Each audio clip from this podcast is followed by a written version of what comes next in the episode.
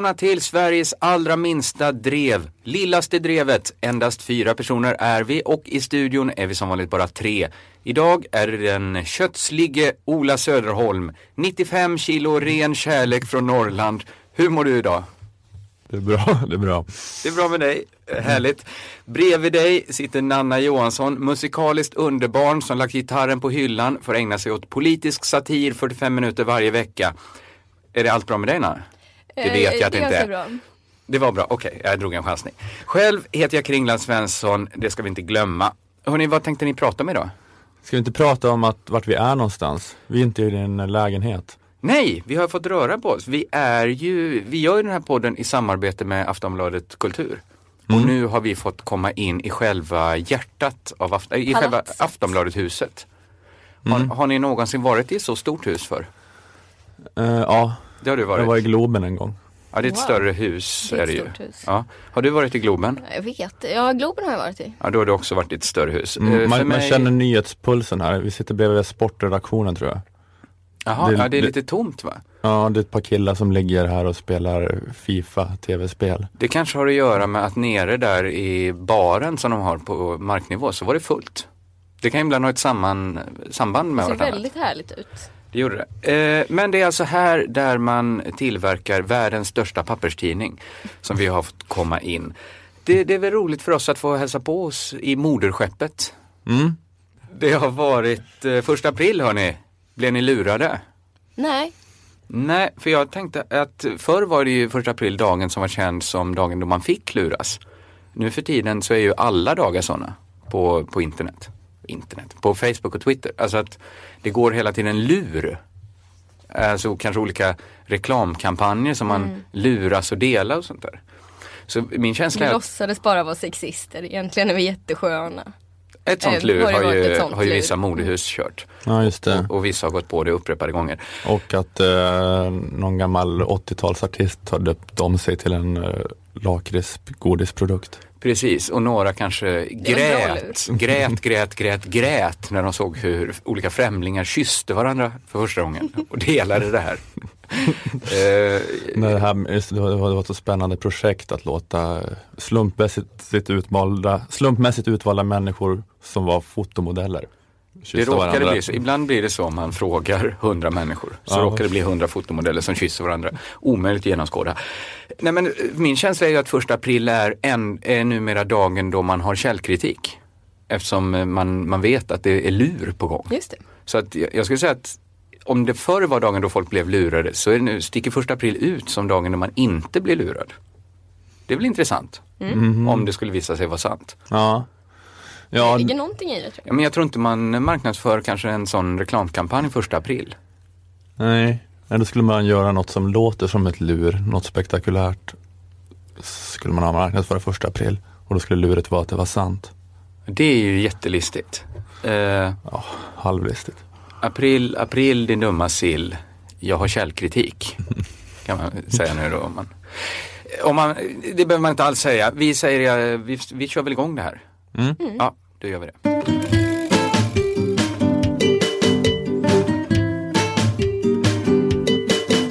Är ni bekanta med Nuon-affären? Inte, alltså, jag skulle uppskatta en liten genomgång ändå. Kan du inte alla turer? Jag, jag, jag tar på mig dumstruten här då, bara så att lyssnarna får veta. Okej. Okay. Jag kan inte alla turer, jag kan, jag kan inga turer. Handlar om Vattenfall. Ja, Vattenfall, ett statligt ägt energiföretag. Eh, de köpte upp ett eh, holländskt energibolag som heter Nuon till ett groteskt överpris skulle det visa sig. Det var både den största och den sämsta kontantaffären i Sveriges historia. Men borde inte den heta Nuon-affären affären? För det var ju redan en vanlig affär, att man handlade. Mm. Just det. Så du menar själva skandalen? Så att du uttrycker det i klump, ja skandalen är alltså Nuon-affären affären. Mm. Bara så att det blir rätt i fortsättningen. Ja. Var en jätteskön grej av dig Kringland att uh, komma med den här invändningen tycker jag. Man känner fan vad, skön, vad fan vad skön han är som ska liksom säga så här, att det borde heta affären, affären. Jag såg framför mig att det skulle bli en ny vatten på min kran historia som skulle cirkulera i sociala medier du om du sa fel. så att folk, hörru du du, nu har affären affären säger vi.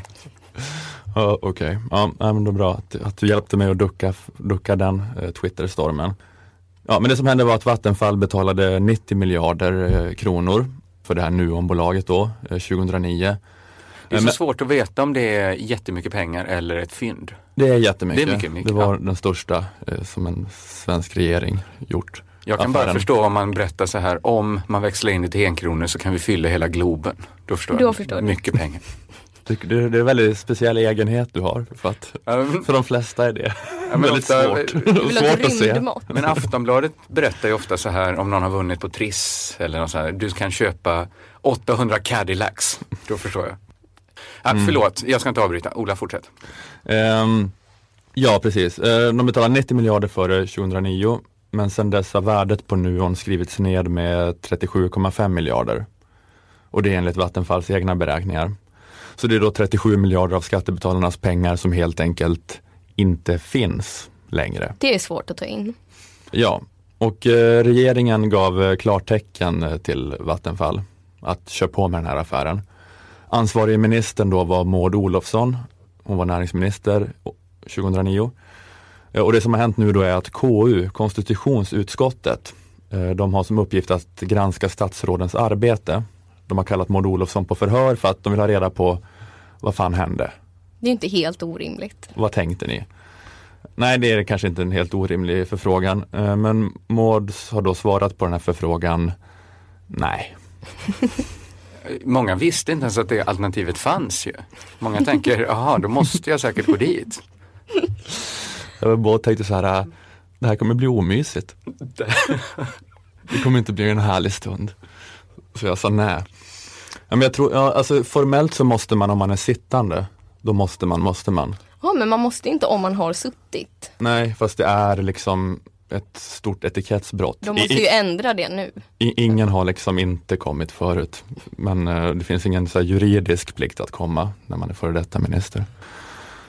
Uh, men uh, ja, hon svarade på kallelsen till förhöret med ett brev till KU, Maud. Och där skrev hon att hon inte ville svara på frågor om hur resonemanget gick inför Nuon-affären eftersom att hon har svårt att minnas vad som hände för fem år sedan.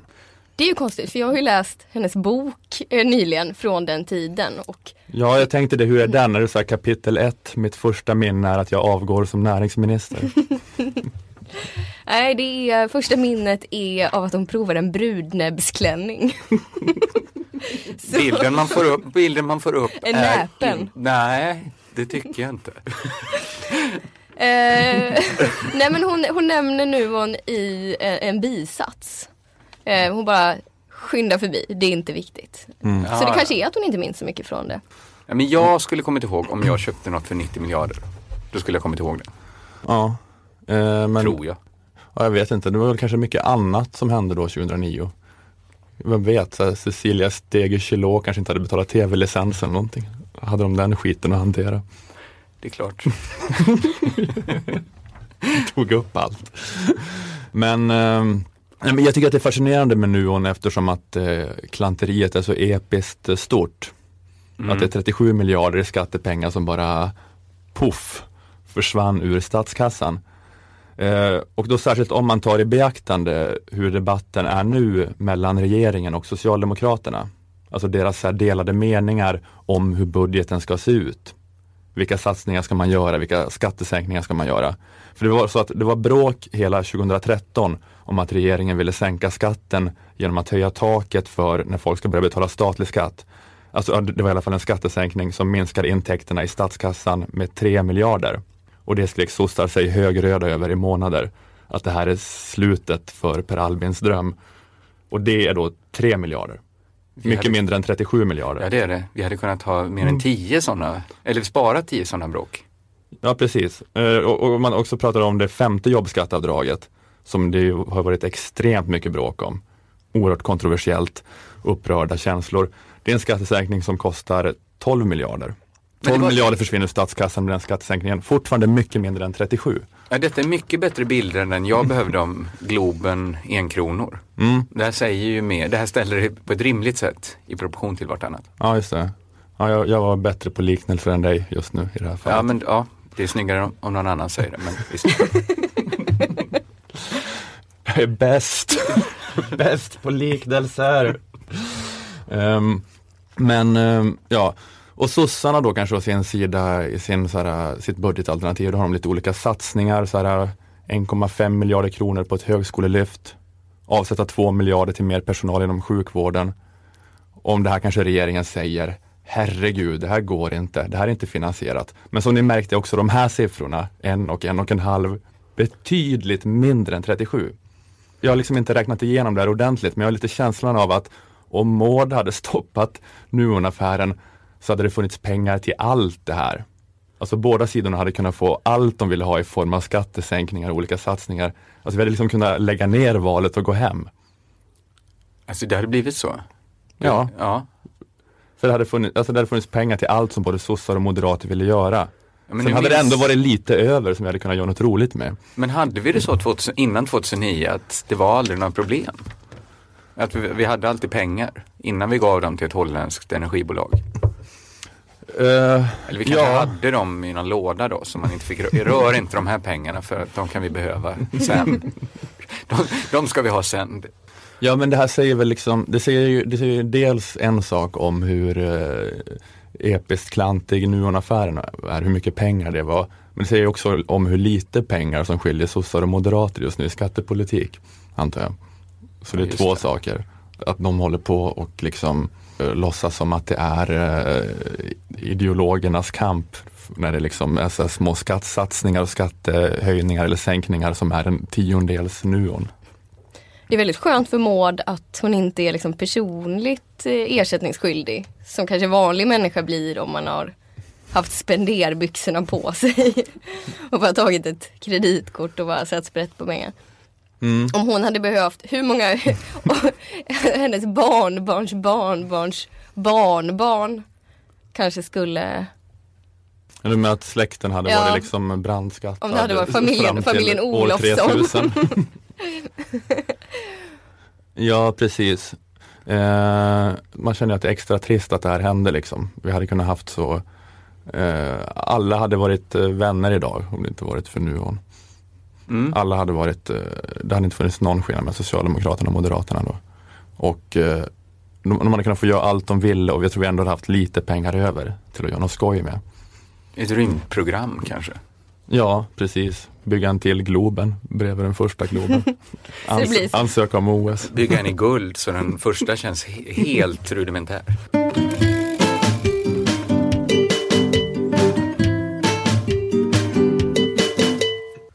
Den här podden hade ju inte varit eh, möjlig att göra om vi inte hade haft en sponsor. Det känner ni till. Mm. Och vår sponsor är som vanligt Akademikernas a-kassa. Tack så hemskt mycket Akademikernas för att ni vill vara med oss och göra den här podden. Mm, tack så mycket. Och vad, vad är det som gäller egentligen med Akademikernas a-kassa? Det är en a-kassa, det har man på namnet. Mm, vi vill väldigt gärna att ni går med i a-kassan om ni inte redan är med. Man, det kostar bara 90 kronor i månaden eh, och eh, för det så får man eh, trygghet för evigt. Och podd i, i, varje vecka. Men också, men också 15 000 kronor, upp till 15 000 kan man få ut. Ja, precis. Eh, och eh, som sagt också om det blir regeringsskifte så har sossarna lovat att höja taket så man kan få upp till 20 000 i månaden. Vilken svindlande tanke om Nuon-pengarna hade lagts på a-kassan istället. Att man kanske fick ut 800 000 i månaden. Mm. Ja, precis. Ja, det, hade, väl- det hade ju varit bra, men jag vet inte vart pengarna gör mest nytta. Det kanske liksom ändå Det är bättre en- att de förskingras av Det blir ju inte den eh, vattenfallgubbar. moroten då att fortsätta jobba. Mm. Nu låter ju också 15 000 lite när jag har berättat att 800 000 ja, var om det var det bäst strategin. Men vid eventuellt regeringsskifte kan vi kanske alltså komma upp till, upp till 800 000 kronor i månaden i a-kassa. Och är man osäker på eh, vilken a-kassa som passar en så kan man gå in på väljaakassa.se. Just det, för att man, eh, ja, det är inte säkert att man är akademiker bara för att man lyssnar på Lilla Drevet. För vi rekommenderar väl alla att hitta sin a-kassa helt enkelt. Mm. Det är om inte annat solidariskt, som du brukar säga Ola, Ja, mot, mot de som eh, blir arbetslösa, även om man själv inte skulle bli det. Eh, Går ni med nu genom, efter att ha lyssnat på Lilla Drevet, berätta gärna om det. Kanske använd vår hashtag, Lilla Drevet, som ett ord. Skriv, jag gick med i a-kassan efter att ha lyssnat på Lilla Drevet.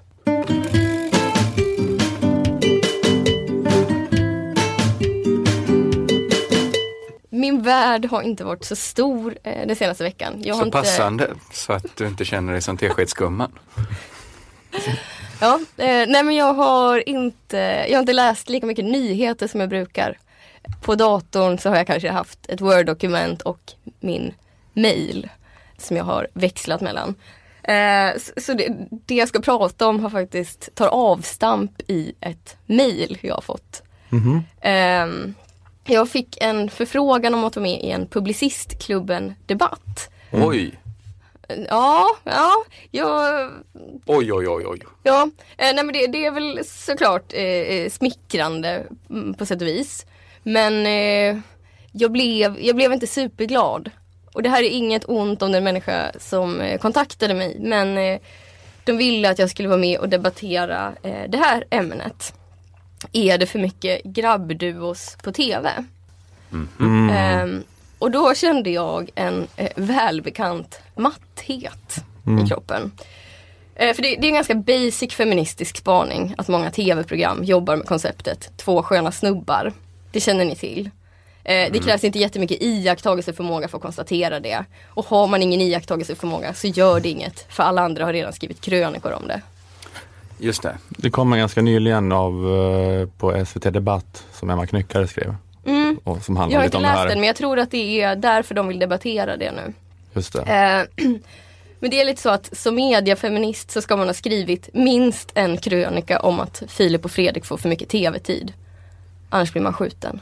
Men Det är liksom blir man mediafeminismens simborgarmärke. Eller nej, det är Ja, Badda. men lite, och det, ja, jag vill inte klanka ner på det. Jag ju själv har ju kommit dragandes med den gamla spaningen flera gånger. För det är för att det är så himla lätt att få den typen av så lättpaketerade feministiska texter publicerat. Det är aldrig någon som klagar på att Ola-Conny får för mycket tid. Jag vet inte ens vad Ola-Conny är. Det är två bondlurkar som jobbar på Ullared som åker runt så här kanske testar Morgan kasino. och Ola Conny. Är det sådana? Så, det, det är just det, det är en som heter två namn. Det är det som är förvirrande. Okej. Eh, Jag har inte sett det, men jag har bara aldrig hört den Så det är kritiken två mot just killar dem. och tre killar. Det är två killar och tre kill tjej. Ja, man kunde, de kunde impat in ett tjejnamn kanske, tycker man. Eh, Ola-Katrin och Morgan. Fortsätt. Ja, eh, nej men jag tänker det var ju säkert därför Publicistklubben kontaktade mig för de har säkert någon, något minne av att så här, ja, men hon har kanske gjort en gammal krönika om det här. Eller eh, ja, eller hon har säkert gjort det för hon är mediefeminist. Så det är kanske inte deras fel att de tänkte på mig. Men jag känner ju den här mattheten över att för tusende gången förväntas liksom kommentera något som inte ens kändes fräscht första gången man tänkte det. Förstår ni vad jag menar? Mm. Ja, Jag tror inte att någon längre blir mindblown av att läsa en satir som är så här. Ö, varför finns det en Erik och Mackan men ingen Erika och Tjej-Mackan? ja nej, nej, nej. Det, nej, okej. Jag menar, du menar att spaningen är lite lätt att göra? Ja, men jag menar att det, det är liksom inte så intressant som feminist kanske att göra den eh, gång på gång. Men Det beror väl på om man tycker att det är ett problem eller hur stort problem man tycker att det är. Hur viktigt det är, antar jag. Jo, men jag Det, tror... det, det är ju, ja. det, det men det är väl den här grejen med politisk aktivism om man tycker att, att det är väl ofta tjatigt och tråkigt. Om man nu tycker att det här är en viktig fråga kanske man måste säga den igen och igen. Jo, att det borde vara mera där- tjejduos i TV. Jo men det blir lite grejen att så här, det är kanske ett ämne eller en fråga som är lättviktig nog att kanske göra humor på. Mm. Eh, även om det kanske också känns tråkigt nu eftersom så många har, har gjort det.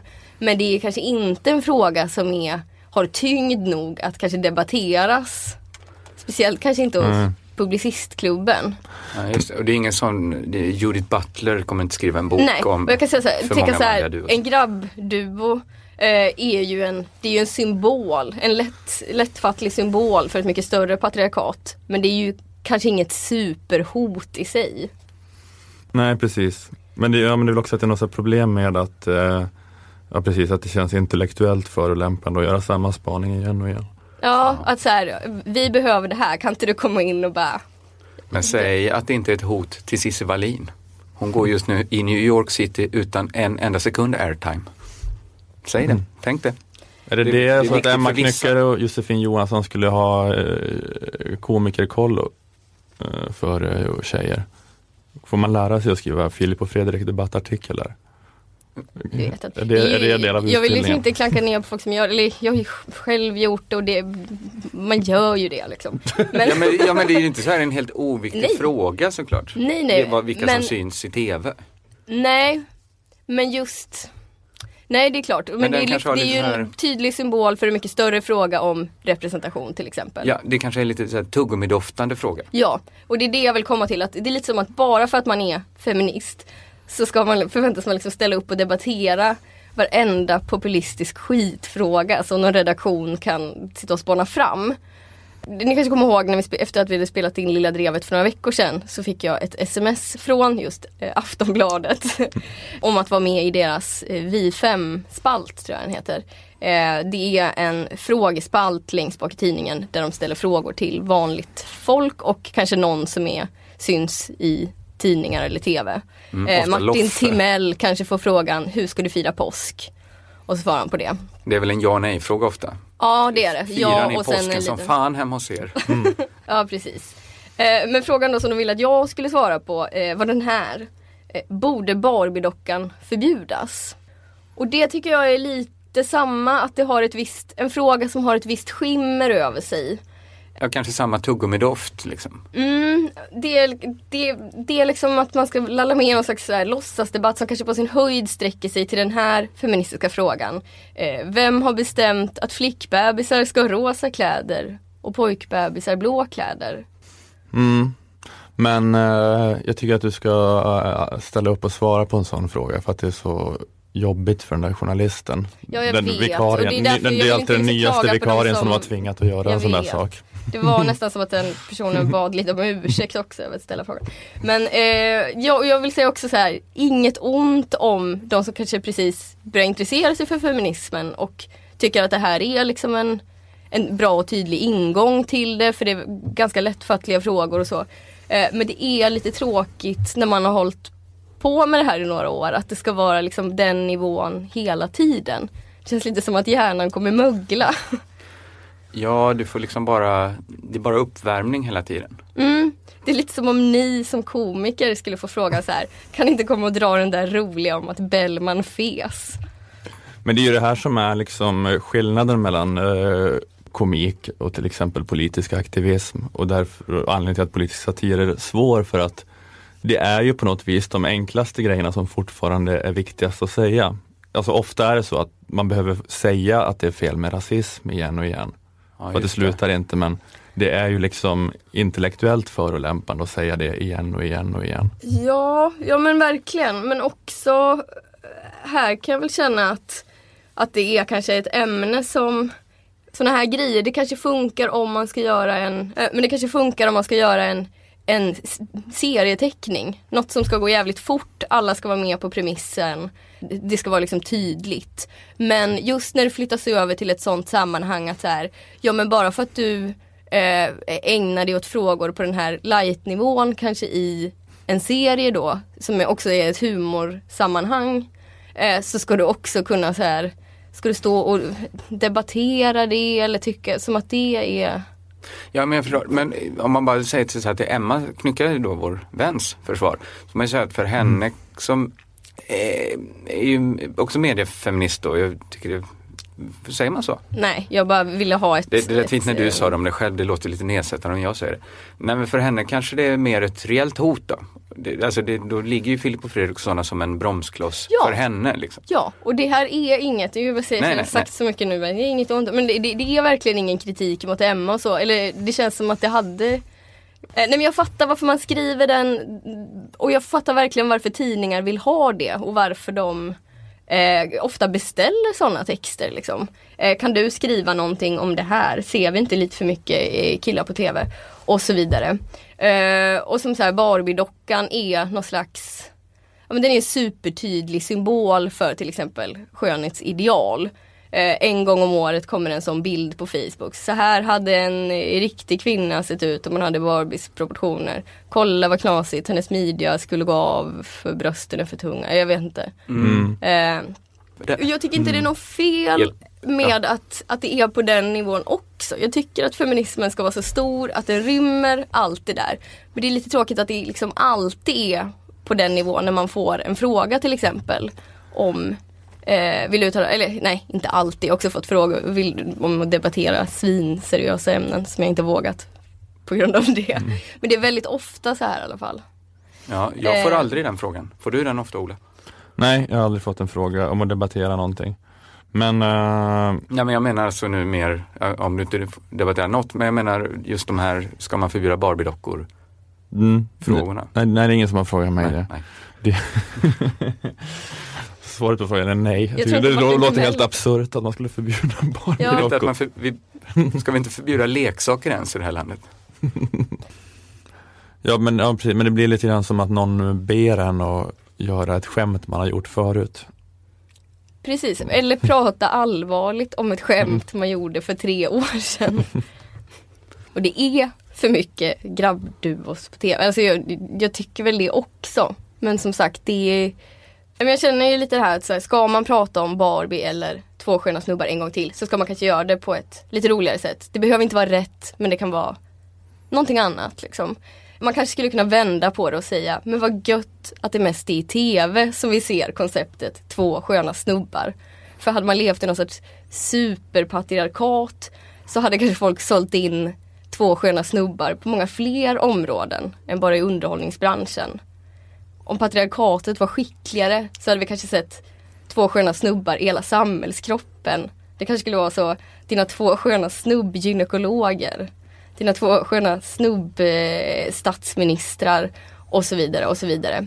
En dag hade kanske två sköna snubbar fått gifta sig och då tycker jag vi har gått väl långt. Ja, ja. Du tar inte orden ur Nannas mun nu. Du förekom ju hennes punchline att, att, hon, att hon hatar homoäktenskap. Och det är det hela det här ledde fram till. Nej, jag känner att så här, kanske inte vara så rädd att testa en ny tanke även om den är fel. Bara för att det är kul att säga någonting nytt.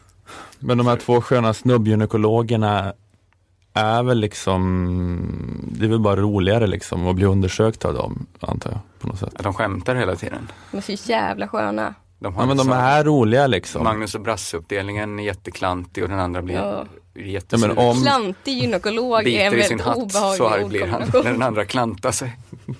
Glömmer något instrument. oh. Nej. Ja men jag menar det är fritt fram för tjejgynekologer om de vill, då är det bara att göra det liksom då. Men folk tycker inte att de är lika sköna uppenbarligen. Det är därför de inte får jobben.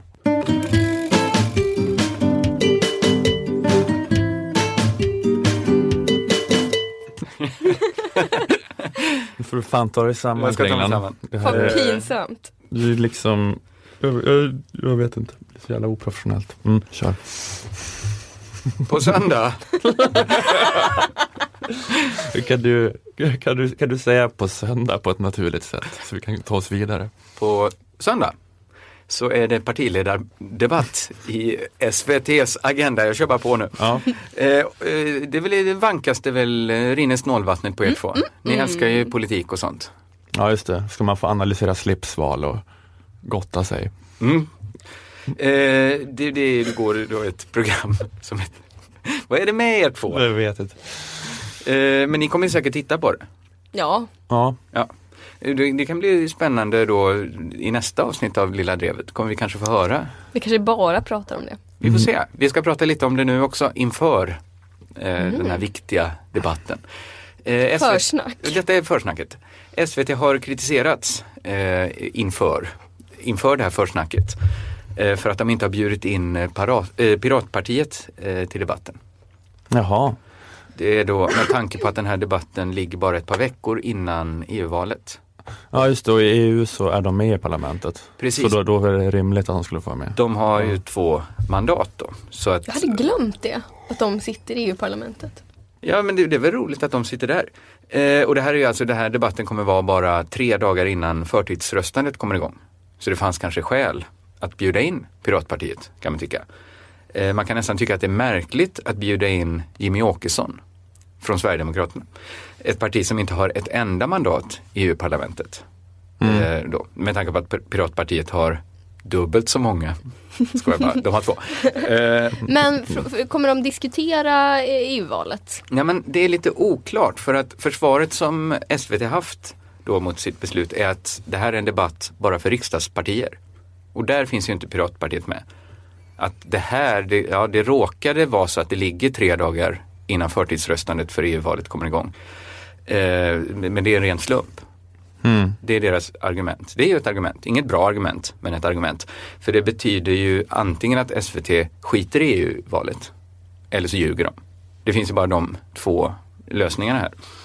Om man gick in på Agendas hemsida den 1 april 17.45 så kunde man liksom inte se minsta spår där av att den här debatten skulle ha något med valet till EU-parlamentet att göra.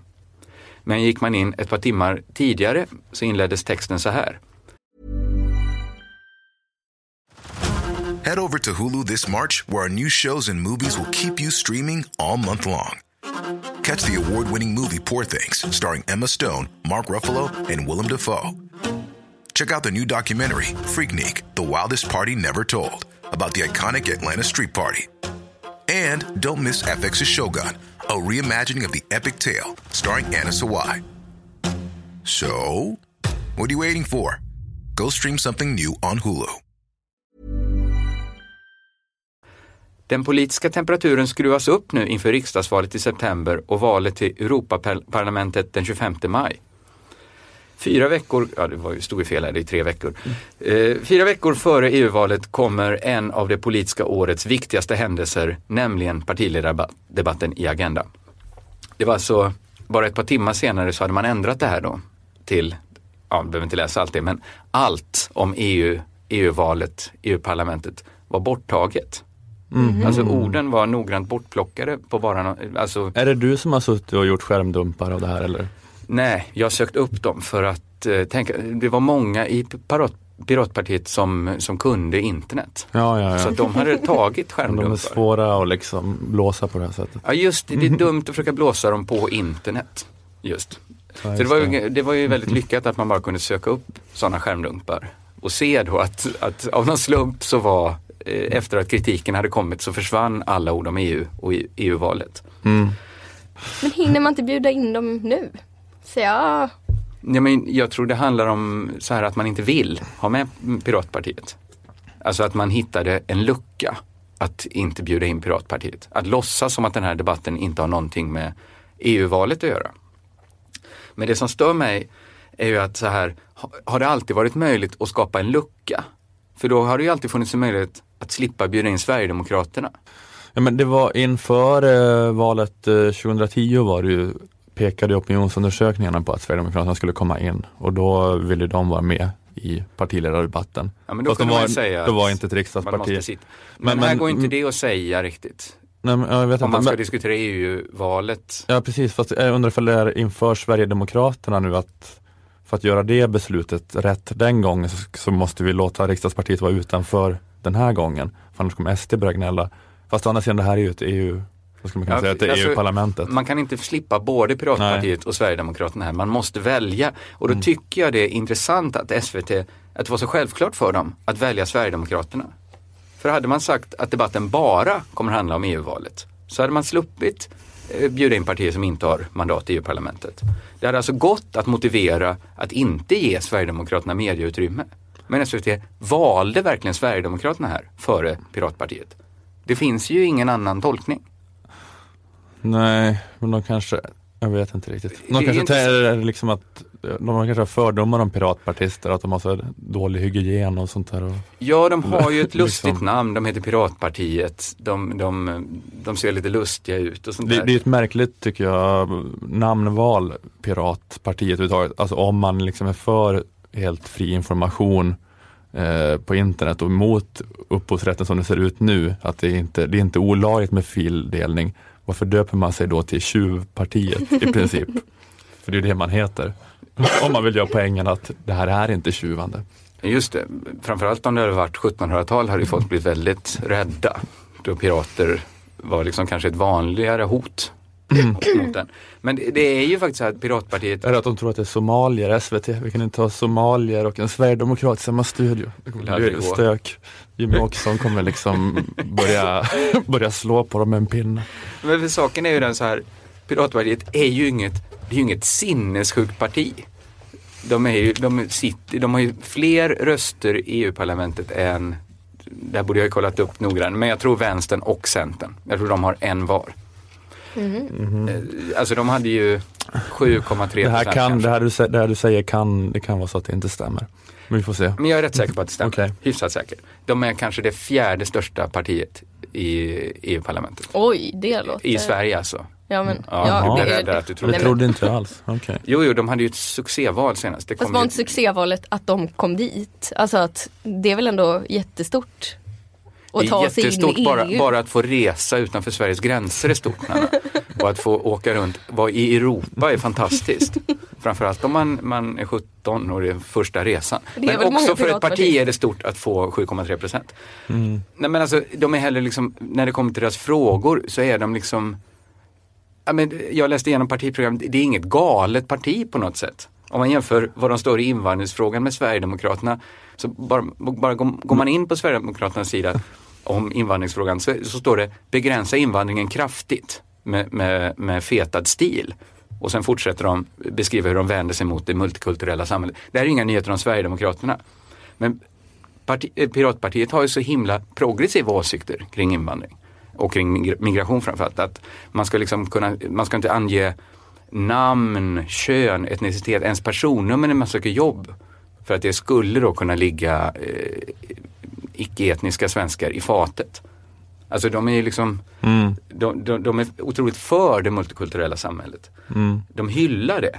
Därför blir det nästan ännu konstigare att SVT valde i valet mellan Piratpartiet och Sverigedemokraterna och ge Sverigedemokraterna mediautrymmet.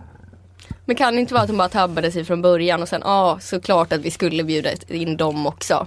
Ah, nu är det kanske lite sent. Eh, Vem, vem fixar en extra stol?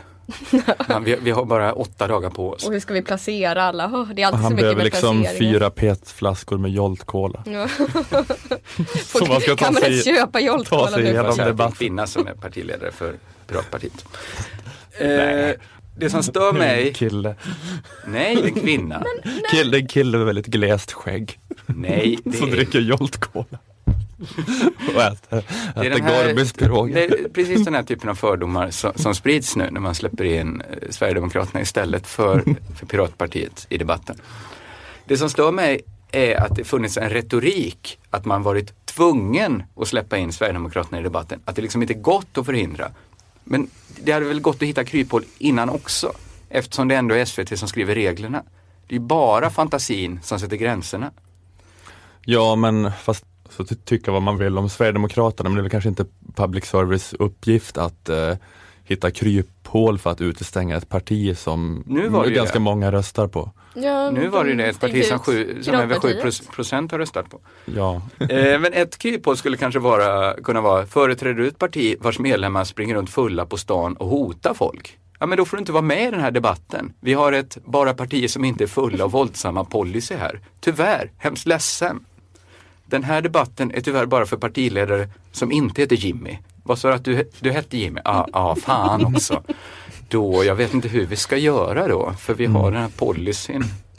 vi, det är förbjudet med partier vars namn slutar på Värjedemokraterna. Men istället valde man en helt annan sjuk policy som, ah, nej men den här debatten som ligger tre dagar innan man får börja rösta till EU-parlament, ah, nej, det är en sån debatt som inte handlar om EU-parlamentet alls. Det är ju inte ett jättemycket sjukare kryphål man har hittat. Fast om det är så nu att de ändrar hela, de kanske ändrar hela programinnehållet nu så att det inte alls kommer handla om EU-valet. Ja men det är väl ett jättebra alternativ. Nej men jag tänker att de kanske gör det. Ja, jag tror säkert att man kommer göra det. För att SVT älskar Sverigedemokraterna så mycket att de till varje pris vill att de ska öka sina mandat både i Europa och i Sverige. Jobbar inte du lite för SVT just nu? Just nu gör jag det, ja.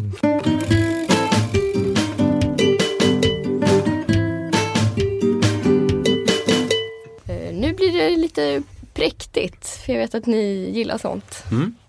Ja, Ja. det gör vi. Eh, ni vet vad människor brukar skriva på Facebook eh, när de lä- lägger upp en länk till någon så eh, väldigt vidrig nyhet. Försökte komma på De, ett skämt de här. för- brukar skriva Fan vad hårt jag kom när jag läste det här.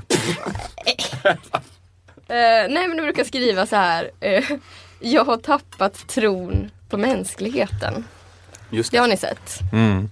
Någon som har lagt upp. Eh, det är rätt slitna ord. För folk verkar få tillbaka tron på mänskligheten ganska snabbt. Eftersom de kan tappa den gång på gång. Ja, det kan räcka med någon sån nyhet, någon, någon bebis som alltid sover med sin, med sin hund.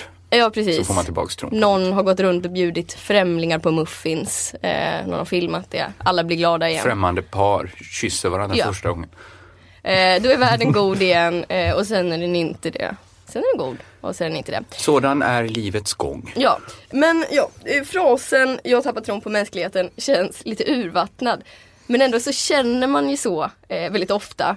Jag själv kände det eh, senast den här veckan. Eh, ni har kanske hört om den här attacken mot eh, rumänska tiggare som var här i Stockholm. Eh, typ 15 ungdomar eh, gav sig på en grupp tiggare och kastade flaskor på dem och slog dem. Oj, det, Eh, det missade jag. Ja, jätte, jättejobbig nyhet. Eh, men efter att ha läst det här så testade jag att googla ordet tiggare för att se eh, vad man får upp, hur snacket går och så vidare. Tror ni att jag fick upp hjärtevärmande artiklar som man gärna läser uppkrupen i en fåtölj med en stor kopp te?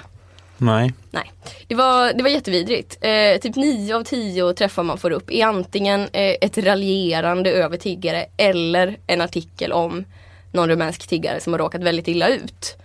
Eh, och jag har sammanställt en liten lista med de fem vidrigaste grejerna som kom upp om man googlar ordet tiggare utan att behöva ja, trycka sig fram alldeles för mycket. Eh, och det är inte helt sant att det är de vidrigaste grejerna för det fanns grejer som var så vidriga att man inte vill läsa upp dem. Eh, men det här är något som är, eh, inte lagom vidrigt men inte för vidrigt. Eh, men vidrigt. Okej. Utan inbördes ordning kommer de här. Rubrik 1. Tiggare bildhånas på Instagram. här är det någon tjomme som har skapat ett Instagramkonto som bara går ut på att lägga upp bilder på tiggare och sen skriva bedårande kommentarer som en äcklig jävel eller skådespeleri. Jaha. Eh, Skådespeleri. Ja, man fattar inte riktigt vad som är men kanske att, att tiggare egentligen är en slags mellanchefer som bara klär ut sig och lajvar Mm. eh, utsatthet. Jag vet inte riktigt vad det är för case. Men det här är då populära konton. Folk gillar att följa det här. Alltså, nej men det här, det här var ju en nyhet så nu Ja, läser jag ja, upp ja, eh, ja. den rubriken men den handlar om det. Rubrik två eh, har ni säkert läst. Butikschef hällde vatten på tiggare. Just det. Eh, Halvbra försvar hade han, att han skulle ändå hälla ut en Ja, vatten. att han hade, åh, jag skulle bara tvätta fönster eller tvätta väggen.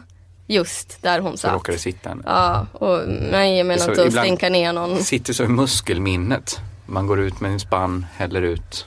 Ja, Man tänker inte på att det, oj, idag satt det någon där. han gör ju sig lite till någon slags kalanka figur som bara eh, är utanför, går runt med en hink vatten och bara, att han bara råkar liksom hälla det på. Det, det är inte det- ett modernt beteende att tömma Nej. en spann vatten på en gata. Nej, visst är det inte det? Nej just det, nej, det är sant. Man, man till. har aldrig sett till exempel en butikschef gå ut och göra det. Nej. Nej, inte sen, ja, det var innan, när Gamla stan var nya stan. Då kanske man gjorde så. Innan avloppssystemen. Mm. Då man bara kastade det ut på gatan. En, ja, precis. På t- träckspann-tiden. Man Mm. hade sånt. Mm. Ehm, ja, rubrik 3. vill kasta ut tiggare på grund av myntskrammel. Det är någon stationschef på tunnelbanan som ville kasta ut en tiggare eh, för att ja, det då låter för mycket. Eh, det här tiggandet skramlas som mynt. Eh, måste vara jättejobbigt när det stjäl fokus från ljudet av tåg, brölande tonåringar, högtalarröster, rullväskor och andra trevliga ljud som man bara njuter av. Ehm, rubrik 4. Tiggarna har blivit snobbiga. Eh, det här är såklart från Katrin Zytomierskas blogg och är en charmerande historia om hur en tiggare bett Katrin eh, om att gå in i en affär och köpa kyckling och Katrin tänkt lata jävla fitta. Ja, okej, men det är två konstiga saker i den här. Mm. Dels den lilla överreaktionen. Att sä- säga så, Eh, det- tänka så, sk- Ja. skriva så sen när man kommer hem. Framförallt skriva att man har tänkt. Men vad skulle Katarina Zytomierska gå in och köpa en kyckling till en tiggare? Nej men jag, jag antar att, det, att kanske hon, kvinnan inte kom in i, fick gå in i butiken eller någonting. Jag vet inte. Aha, men då är det ju en, döljer sig en ännu större skandal. Ja, väl? precis. Jag vet inte omständigheten här. Eh, men det kanske är att ta i att Mm. eh, det är inte så soft. Eh, rubrik 5. Eh, tiggare kränker privatlivet. Det här är en väldigt dum liten text som är en insändare till sidan Hela Hälsingland som bland annat skriver så här. Allting är ju bara ett stort skådespeleri. Återigen skådespeleri. När dagen är slut och de har tyckt färdigt så kommer deras familjemedlemmar och hämtar upp dem i nya fina bilar. Eh, Jag trodde inte att någon på allvar trodde det här med bilarna. Alltså jag trodde det var en sån grej som folk sa att andra säger. Förstår ni vad jag menar? Mm, mm, mm, jag fattar. Ehm, alltså tiggare egentligen sitter och tjänar så storkovan och sen när arbetsdagen är slut så bara börnar de iväg i en Ferrari mot solnedgången. Jag trodde det var en myt att människor trodde det. Men det jag vill komma till här är, eh, det, det är klart att det här är eh, jävligt oempatiskt och osoft. Det, det är inte så softa människor som gör så här och skriver så här. Men mitt case är att det kanske säger mer om vår tid. Det här att människor vågar visa hur jävla oempatiska de är. Att man kan skriva en sån insändare som är så här ett öppet hatbrev och att man ändå har gjort någon slags ja, men vägt i huvudet så här, fördelar mot nackdelar och kommit fram till ah, fördelarna väger ändå över. Jag kommer inte, jag kommer inte Ja, där finns det ju, där är ju, det är ju breda åsiktskorridorer man upplever att det finns. Ja, För jag, precis. där kanske man vill ha smalare. Att folk inte säger sådana saker. Att man tycker att där, där finns, sånt får man väl inte säga, nej det får man Men det är inte. väl ändå något kris för att vi inte lever i ett PK-samhälle om det här är det man får upp på. Ja just det. Så du, det tycker du är befriande? Nej, nej, nej, det är motsatsen. Ja just det, men det här man eh, skådespelar tiggeri. Det är ju verkligen eh, att gå all in i en roll så. Eller det är ett jävla arbete att sitta eh, en, en hel dag i kylan liksom. Sån method acting. Ja, jag vet inte. Det är liksom ja, det, det, det, det, är ju det är ju ett imponerande arbete. Alltså om någon gör det och ändå är rik så är det, har ju den personen en enorm målmedvetenhet. Liksom. Vill verkligen, alltså vill Äl, älskar älskar konsten på ett besinningslöst sätt. Men bara att kunna liksom antyda att någon som är eh, i så jävla jävla utsatt position skulle liksom ha valt det själv eller skulle göra det för att lura andra och så. Alltså det är ändå konstigt att man kan säga det och sen bara la la la la la nu går jag vidare mitt jävligt härliga liv. Eh, skriver en till krönika till hela Hälsingland eller fortsätter blogga på Zytomierska eller vad det Det heter. det är en chansning att folk ska gilla den åsikten. Ja och det är lite för många som vågar chansa Det åt lite- det hållet. Det är lite för... Som man är på en fest och tänker, ska jag dra en fräckis? Ja, Det, ja, I bästa fall så skrattar alla men det kan också bli jobbig det kan bli stämning jätte, nu. jättejobbigt.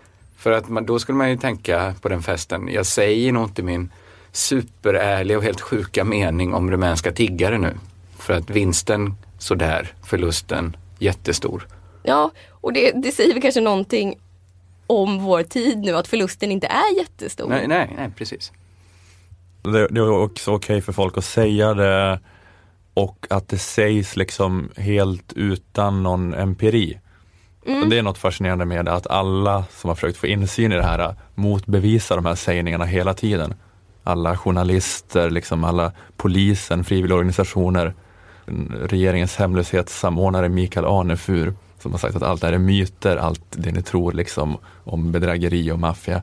Men det spelar liksom ingen roll för att det är en sån Folk älskar att säga det så mycket ändå, älskar att tro på det så mycket. Men det är en Ja. konstig magkänsla. Man ser någon som liksom sitter på knä i, i brun snö hela dagarna. Och ens magkänsla är så här, han vill nog det. Det Mm. verkar, det verkar vara ett ganska gött liv. Ja precis, och sen så är det så folk som har försökt ta reda på hur det är egentligen och säger, och de fått reda på att nej det här är något de gör för de har inga andra alternativ. Då läser man det och så bara, äh. Jag får då gå på den här magkänslan jag hade. Men varför blir man inte sugen på att själv testa? Ja precis, om, Om- det nu om skulle det vara så jävla, så jävla gött, gött. varför är det inte det man liksom tipsar sina barn om? Så här, men du behöver inte plugga på gymnasiet, bara gå och sätt dig. Du behöver en trasig pappmugg. Det ska pappa skaffa till dig. Inte ska väl jag ha en trasig pappmugg. Den inställningen kommer ingenstans. Ta en trasig pappmugg.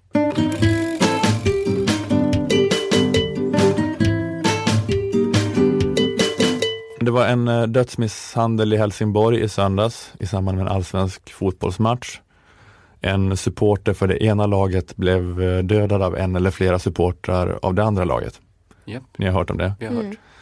Eh, sen dess har det varit mycket debatt om varför en sån här sak händer och vad man ska göra för att det här inte ska hända igen. Mm. Och jag tänkte att debatten är lite knepig eftersom att folk har så olika utgångspunkter.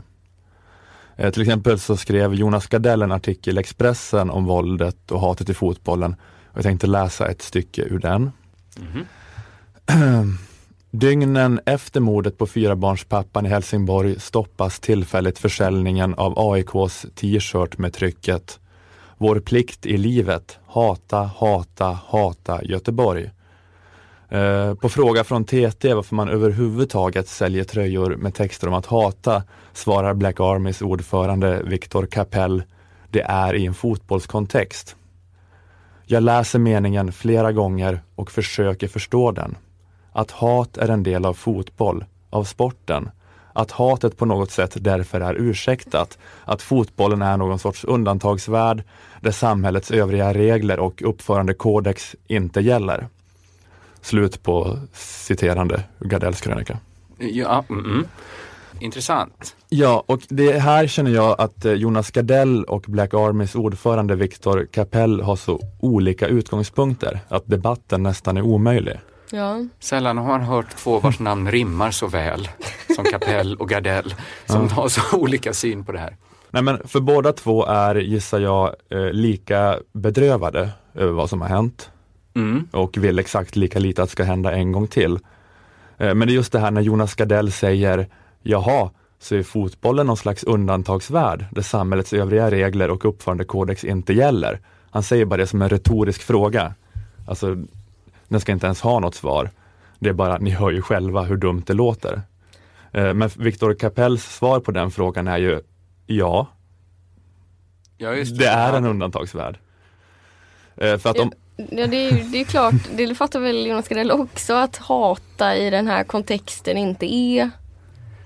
Ja, det är inget hatbrott som, som de är ute efter väl? Alltså, Nej, det kanske är på samma sätt som man säger eh, jag hatar jag hatar Snö. körsbärstomater. Ja. Hatar dem. ja, alltså då skulle Jonas riktigt, men- Gardell säga så här, i tomaternas värld, du är tydligen okej att hata helt plötsligt. Jaha, Ja, nej men ja, precis. Ja, men det är inte så här att man vill eh, samla ihop göteborgare och ha- ha dem i läger. När hade det stått det på en tröja så hade då det varit hade jag nog lite ändå kanske gjort en annan läsning än om det stod judar. Ja, Jag tror Ja. det. Ja, men jag tycker precis. inte man ska skriva så. Nej men jag tycker ihop. väl inte heller det, men jag gillar ju inte fotbollssupportrar det allra minsta. Nej, men i alla fall, det är då, han säger eller jag vet inte om Viktor Kapell, jag lägger ord i hans mun, men jag Mm. skulle kunna tänka mig att Gör så- din eh, kapell. Du är så himla lik när du gör han. Hej hej, det är en undantagsvärld. Ehm. så Var det så, första gången du gjorde en imitation så någonsin? gissar jag att Viktor Kapell kanske säger, det vet jag inte att han skulle säga. Men, men jag tänker att fotbollssupportrar tänker ändå lite så. Att, eh, jag menar att det är en undantagsvärld, för om man inte någonsin får se det så, så faller ju hela grejen med fotboll, eller i alla fall grejen med supporterkultur.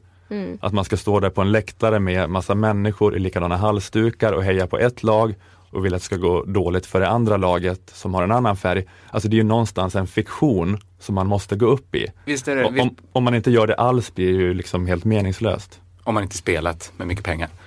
Mm. Det kan man göra. Men jag menar, det är väl, tycker Jonas Gardell det är så här läskigt med hård musik också då? När man kan, alltså skulle han i det här, när W.A.S.P, när man diskuterade, när Sivert Öholm i Svar Direkt diskuterade W.A.S.P, skulle han ta dem lika, person, eller lika bokstavligt? Att de säger We are Satan's people. Skulle han bli rädd då?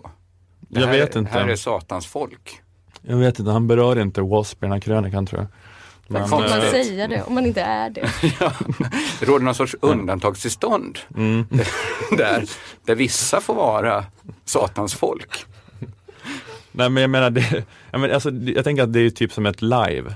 Alltså om man är ett gäng lajvare som lajvar stormaktstiden, då måste ju de som är utklädda till svenska soldater få tycka illa om de som är utklädda till danska soldater inom livet, inom den fiktionen. Mm. Sen om då någon skulle spåra ur och sticka ihjäl en av de danska soldaterna på riktigt.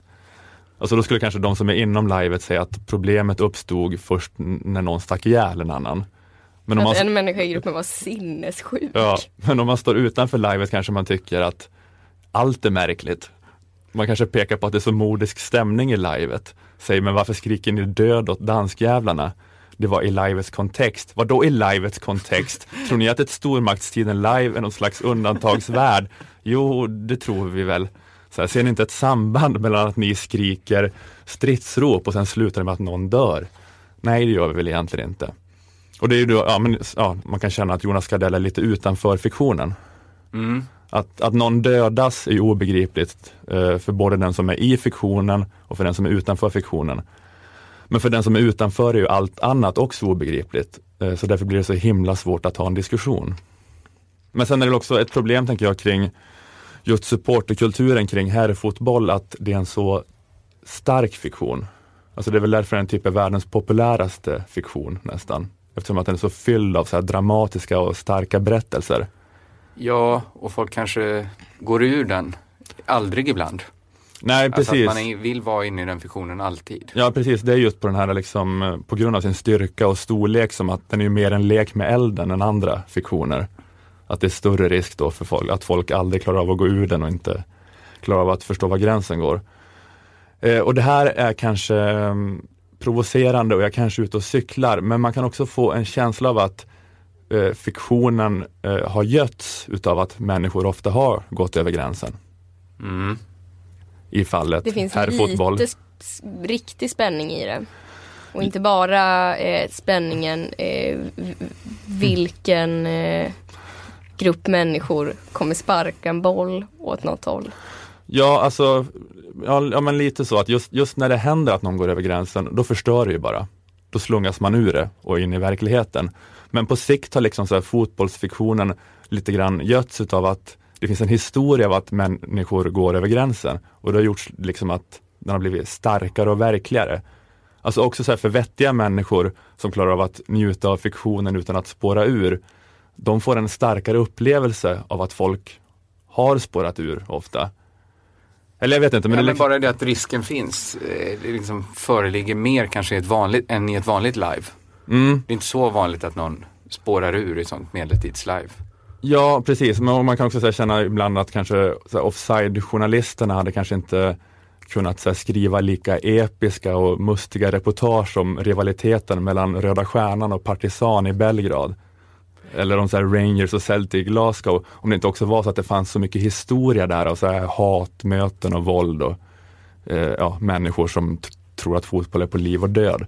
Att man så liksom, man fidar lite av det här eh, som man nu måste ta avstånd från också Mm. på något sätt. Jag vet inte. Det, Jo, det är inte jo. bara så här såklart men eh, eller, jag, jag, jag, jag, ja, jag vet inte. Är du medlare nu mellan Jonas Gardell och honom? Så är du länken mellan de här två världarna? Nej, det är jag inte. Men nej, jag, jag, jag är bara liksom funderar på vad det är man måste göra för någonting. Att, få, att folk gillar att det är en så stark fiktion, supporterkulturen kring fotboll. Man kanske måste tona ner den lite. För att det är bevisligen så att så många människor inte kan hantera, hantera det. Att man ibland, alltså i högtalarsystemen kanske man berättar ibland. Kom ihåg, att det är bara, det är bara sport. Då och då. Men det skulle ju förstöra till exempel en bioupplevelse. Om man då och då påmindes om så här, det är bara Det är film. Om det är någon som har gått in, är för mycket inne i fiktionen nu, så kom ihåg det är bara en film. Det är ketchup. Nej, jag tror inte man använder ketchup. Nu, jag vet inte om man någonsin har använt det som blod. Det är ju, det är ju mer en detaljfråga om vi ska gå in på det nu. Men, men det tror jag inte man gör. Men det kan ju rasera vilken fiktion som helst. Mm. Ja, men, det- men det kanske inte att fiktionen ska bli svagare eh, inom fotbollssupporterkulturen, men att man ska bygga om fiktionen lite grann. Att eh, göra den lite annorlunda. För att, alltså just nu är det ju så att det är en del av fotbollssupportrarna och inte bara de som begår våldet utan även vissa andra som lite grann romantiserar fotbollen som något slags fascist-live, Ja, just det. skulle jag tro. Man måste hitta någon annan liksom stark, stark berättelse än den här liksom mansvåld, våra färger, hatar dem med deras färger. Kanske. En fiktion som man kan gå upp i med lika mycket passion men som inte är lika farlig. Det kanske skulle vara så att man utgick från Romeo och Julia berättelsen istället eftersom det finns så starka rival rivaliserande grupper. Att det fanns kanske en dröm om att spåra ur en gång och bli tillsammans med någon i den hat, i klanen som hatar en. Ah, Alltså okej. det skulle kunna vara en, istället för att drömma om då att det, alltså själva bråket skulle bli verklighet. Förstår ni hur jag tänker? Men du vet också hur Romeo och Julia slutade. Med våld. Men Eller de med knullar, död. de knullar väl först?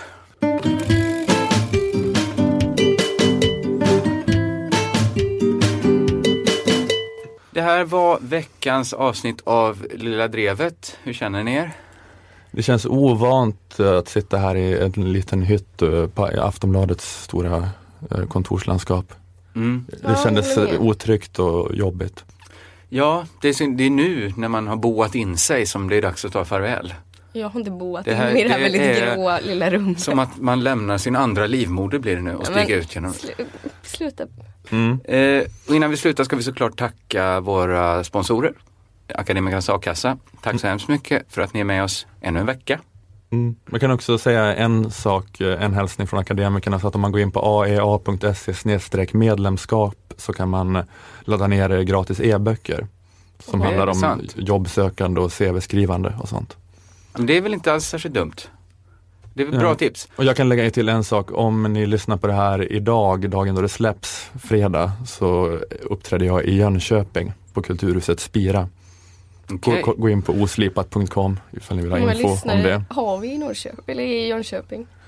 Jag vet inte, Nanna. Vet jag inte. Har vi lyssnare i Malmö så går min teaterpjäs Sitcom på Malmö Stadsteater. Kan ni gå in och, och köpa biljetter. Om ni känner för det. Har du något du vill göra reklam för? Ehm, mitt Twitter. Ditt Twitter. Ja. Eh, vill ni eh, nå hela Lilla Drevet på Twitter så kan ni använda hashtaggen Lilla Drevet som ett ord. Vi säger väl också tack till Aftonbladet Kultur som vi gör den här podden. Som låter oss sitta här idag. Tack så hemskt mycket. Mm, Tack. Hej hej! Hej. Hej då.